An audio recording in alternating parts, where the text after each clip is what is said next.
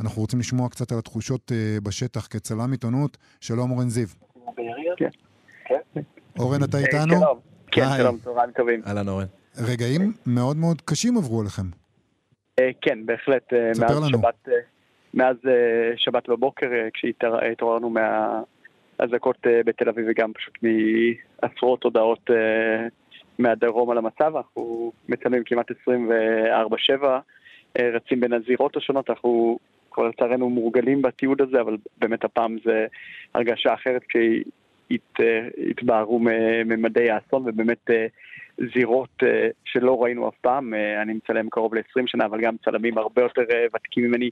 לא זוכרים סצנות כאלה, אני מצטער על התיאורים הגרפיים, אבל באמת עשרות גופות פזורות בשטח במראות שמזכירים את אוקראינה, כשכוחות ההצלה, גם המחדלים כאילו נחשפו נגד עינינו כשבשעות הראשונות וגם בימים הראשונים לא היו מספיק כוחות, לא היו כוחות הצלה מספיקים, אזרחים נאלצו לפנות עצמם, לכבות שריפות לבד, גופות נערמו ברחובות במשך חצי יממה ובמקומות אחרים שעוד אין לנו גישה אליהם גם, אורן, גם אף יותר מזה.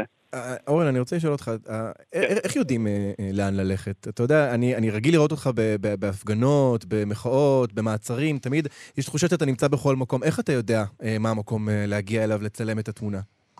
אז 80-90 אחוז מהעבודה שלנו היא לא לצלם את התמונה, להקליט את הסרטון, אלא לבנות רשת של קשרים ומידע כדי לדעת כל דבר בזמן אמת. אנחנו כמובן מסתובבים פה עם עוד קולגות שלנו מכלי תקשורת מקומיים ובינלאומיים ועוזרים אחד לשני, והמטרה היא כמובן לדעת כמה שיותר מהר על דברים שקורים, בטח כשזה, אבל הרבה פעמים פשוט עוקבים אחרי האמבולנסים או העשן, ולאחר מכן פשוט מנסים את מזלנו, כאילו אתמול ראינו שדובר צה"ל קיבל החלטה חסרת תקדים לפתוח את, ה, את הזירה בכפר עזה לסיקור בינלאומי ומקומי, אבל עד אז אנחנו כבר כמה ימים עובדים וניסינו לדבר איתם וגם להסביר להם את החשיבות הזאת, אבל פשוט להגיע בכוחות עצמנו לכל מיני מקומות, לפעמים לצלם כמה דקות בגלל העניין, בגלל הסכנה הבטיחותית. אתמול לדוגמה הגענו לזירת המסיבה, מסיבת הפסטיבל מוזיקה שהיה. אולי רק, אורן, את... אולי רק נגיד שננסה להימנע מתיאורים גרפיים עבור המאזינים, כן, בסדר? כן, בוודאי, בוודאי. לא, לא, בוודאי. אז uh, כל הזמן, כל יום, כל דקה, כל שעה אנחנו עושים איזושהי הערכת uh, מצב כדי לנסות להבין, בגלל שיש כל כך הרבה סיפורים וכל כך הרבה התרחשויות, uh, כל הזמן אנחנו עושים הערכה מחודשת של מה צריך להביא עכשיו, מה חשוב uh, להציג לציבור. אורן, אתה מדבר הרבה על מה צריך להציג, אבל אני רוצה לשאול אותך, איך, איך אתה שומר על עצמך? איך אתה מתמודד? איך, איך, איך בכלל יש חוסן נפשי מול כל הדברים האלה? אתה אמרת בעצמך, זה דברים שלא ראית קודם. איך אתה שומר על עצמך? אז שאלה מאוד טובה, אני חושב שקודם כל באמת זה העובדה שאנחנו מסתובבים פה כמה צלמים ביחד שאנחנו מכירים הרבה שנים, תומכים אחד בשני, חלק נוהגים, חלק מנווטים, מדברים עם מי שצריך ופשוט נמצאים ביחד, אז אין תחושה שאתה לבד, כמובן שאם צריך חילוץ עזרה אז אנחנו פה כמה אנשים, לפני כמה ימים שפתחו עלינו באש, אז חלק מהרכבים נפגעו ואז וואו. עזרנו לחלץ חלק מהאנשים, אז זה הדבר הכי חשוב. שנית, אני חושב שבמידת מה, בגלל שאנחנו פה ויש לנו תפקיד ומטרה, כמעט שליחות אפשר לומר, באיזשהו מובן אנחנו לא חווים את הטראומה כמו שהציבור בבית שרואה את הדברים. פה הדברים מאוד מאוד חמורים, וכמו שאמרתם, ונוראים, וכמו שאמרתם, הרבה מהחומרים אנחנו מבחירה מצנזרים, כי פשוט אי אפשר להציג אותם, פשוט אי אפשר. אבל עדיין יש אבל משהו... אבל אתה גם יודע, בשטח... אתה יודע שיהיה את היום שאחרי. אולי אתה עכשיו כן. שם על עצמך איזה, איזה ניילון כזה. אתה מונע מעצמך להרגיש כי אתה מתפקד, אבל אתה יודע בוודאי שיגיע היום של אחרי.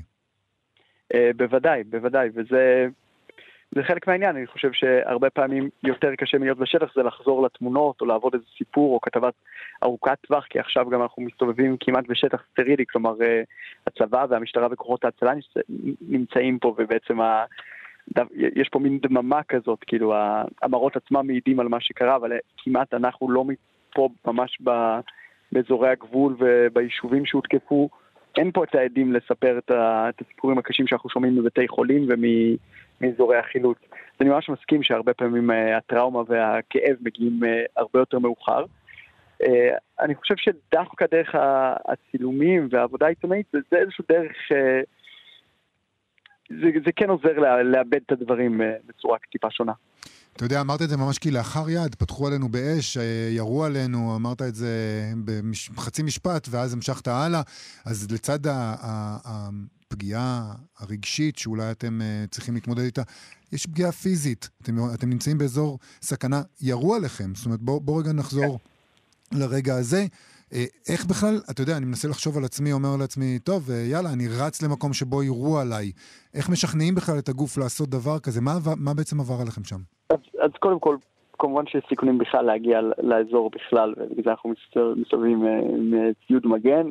ועם אנשים עם הרבה ניסיון אה, בשטח. כמובן שאי אפשר, אה, כשמסתובבים באזור לחימה כזה, אי אפשר להבטיח אה, במאה אחוז את הביטחון שלנו. במקרה הזה הסתובבנו קרוב לשדרות, בכביש שבעצם היה זירה שבה נפגעו חלק מהאנשים שנמלטו מהמסיבה. עצרנו לצלם את הזירה, שהייתה לא באזור שהיה סגור באותו רגע, ואחרי שסיימנו לצלם כמה דקות, קבוצה גדולה של עיתונאים, התחלנו לנוע לכיוון הרכבים, פתאום אנחנו שומעים כמה יריות, זה היה ממש ביום הראשון. בהתחלה לא הבנו מה קורה, ואז הבנו שהאש אמנם באה ליד אה, קיבוץ ישראלי, אבל היא נפתחת לעברנו, ככל הנראה חמושים אה, אה, פלסטינים, אז נשכבנו לצד המכוניות.